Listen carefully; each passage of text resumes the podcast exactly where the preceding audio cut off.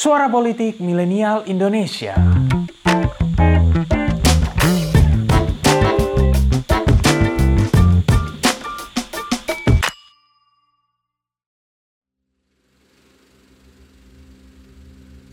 Tahun 1970-an menjadi salah satu babak penting dalam perjalanan Indonesia sebagai sebuah negara.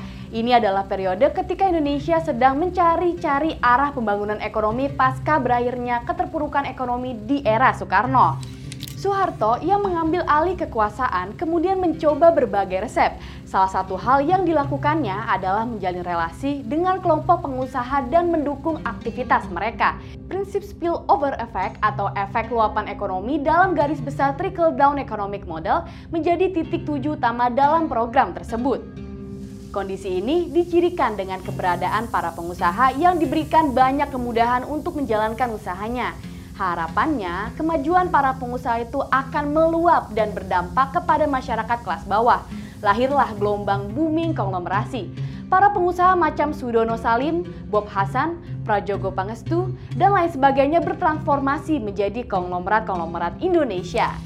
Sekalipun menimbulkan kritik terkait ketimpangan ekonomi dan lain sebagainya, nyatanya model ekonomi yang bertumpu pada konglomerat ini merupakan resep ekonomi yang pernah sukses diterapkan oleh negara seperti Korea Selatan dan Jepang. Bahkan, pasca Soeharto, pemimpin-pemimpin selanjutnya masih memandang strategi ini sebagai hal yang bisa menguntungkan untuk Indonesia, termasuk yang dilakukan oleh Presiden Jokowi lewat program Merah Putih Fund. Inilah pantang mati para konglomerasi.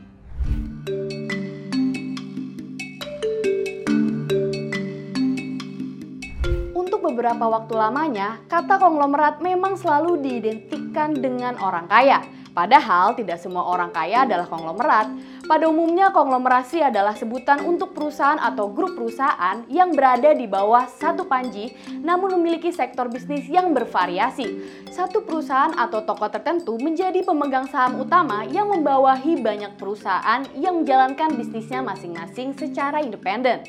Dengan demikian, resiko bisnis yang dipunyai oleh para konglomerat umumnya jauh lebih kecil karena punya kemampuan untuk berada di lebih dari satu pasar atau lebih dari satu bidang usaha. Ambil contoh Jarum yang dimiliki oleh Hartono bersaudara awalnya dikenal sebagai perusahaan rokok. Namun Hartono bersaudara kini juga punya bidang usaha yang tersebar di berbagai sektor, mulai dari perbankan lewat Bank Sentral Asia, lalu di barang elektronik ada Polytron.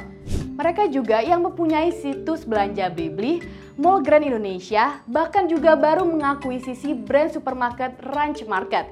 Demikian pun di sektor-sektor yang lainnya. Hal yang serupa juga terjadi pada konglomerat-konglomerat yang lain seperti keluarga Sudono Salim dengan bendera Indofoodnya atau keluarga Eka Cipta Wijaya di bawah bendera Sinarmas. Nah, jika ada pengusaha yang punya bidang usaha yang demikian banyak, harapannya lapangan kerja akan makin banyak pula. Penerimaan negara dari sisi pajak juga meningkat dan perputaran ekonomi juga bisa makin berdampak positif.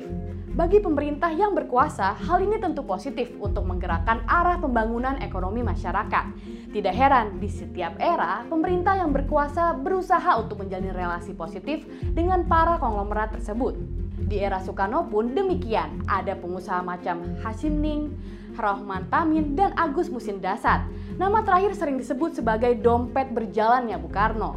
Sementara di era Soeharto, pilihan awalnya jatuh pada para pengusaha Tionghoa Michael Tirok dalam tulisannya The Politics of Development Policy and Development Policy Reform in New Order Indonesia menjelaskan bahwa Soeharto memilih untuk mendukung pengusaha-pengusaha Tionghoa seperti Sudono Salim, William Suryajaya, Eka Cipta Wijaya, dan lain sebagainya. Uniknya, setelah berhasil membangun konglomerat-konglomerat Tionghoa, pemerintahan Soeharto juga mendukung sejumlah pengusaha pribumi. Mereka disebut sebagai Ginanjar's Boys, diambil dari nama Ginanjar Kartasasmita yang terdiri atas pengusaha-pengusaha muda seperti Abu Rizal Bakri, Yusuf Kala, dan Fadel Muhammad. Nah, hubungan politik dan bisnis konglomerat seperti ini sebetulnya bisa diamati dari dua negara yang dinilai berhasil membangun para konglomerat besar di tingkat global, yakni Korea Selatan dan Jepang. Mengacu pada penjelasan David Murillo dan Yun Dalsung dalam tulisan mereka yang berjudul Understanding Korean Capitalism, Jepang dan Korsel membangun kelompok-kelompok pembisnis konglomerat. Di Jepang, kelompok ini disebut Keiretsu atau Zaibatsu, sedangkan di Korsel mereka disebut dengan Chaebol. Di Jepang, grup macam Mitsui, Mitsubishi, Sumitomo, Fuyo, Sanwa, dan Daiichi Kangyo Bank pernah diklasifikasikan sebagai The Big Six Keiretsu. Sementara di Korsel ada Samsung, LG, Hyundai, dan SK Group yang menjadi kelompok Chaebol paling besar. Kelompok-kelompok konglomerat ini dikontrol oleh keluarga-keluarga tertentu dan memiliki kedekatan tertentu dengan pemerintah. Mereka mendapatkan kemudahan pendanaan dan regulasi, Hingga kini, setelah bertahun-tahun, kelompok-kelompok bisnis konglomerat seperti Samsung telah menjadi perusahaan yang melakukan diversifikasi ke banyak bidang. Kelompok-kelompok konglomerat ini pun memainkan peran penting dalam pembangunan nasional. Di Korsel, kala pemerintahan Park Chung-hee, para chaebol mendapatkan posisi yang menguntungkan dalam produksi hingga distribusi komoditas pokok.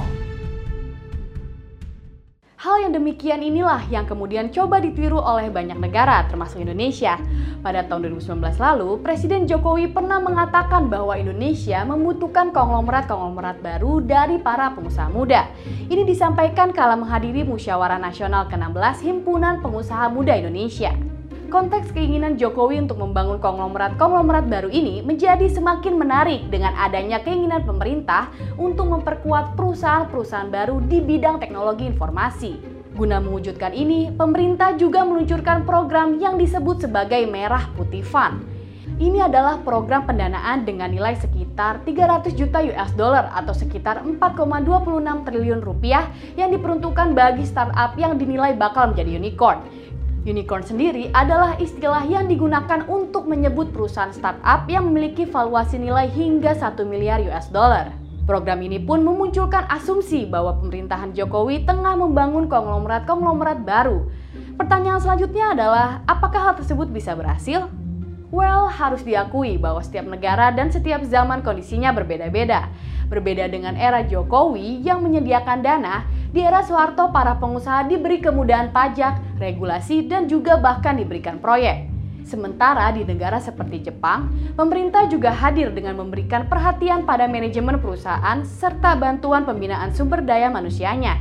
Dengan demikian, perusahaan-perusahaan tersebut bisa menjadi besar dari dalam. Sedangkan negara lain macam Tiongkok dan Singapura juga melakukan apa yang disebut sebagai penyaringan intelektual.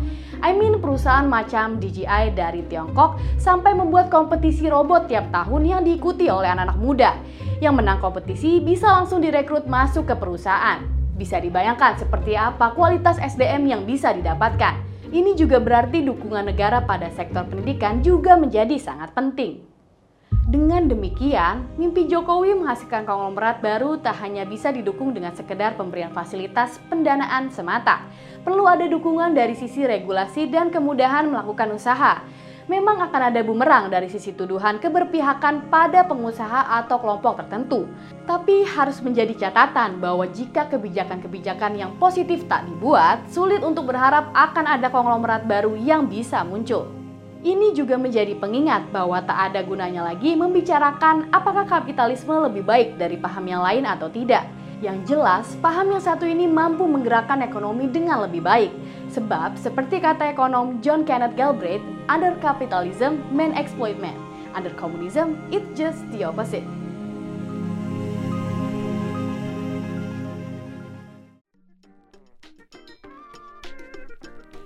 Terima kasih telah mendengarkan episode kali ini. Nantikan episode-episode selanjutnya dan jangan lupa untuk kunjungi pinterpolitik.com untuk dapatkan informasi seputar fenomena politik di Indonesia. See you next time and bye-bye.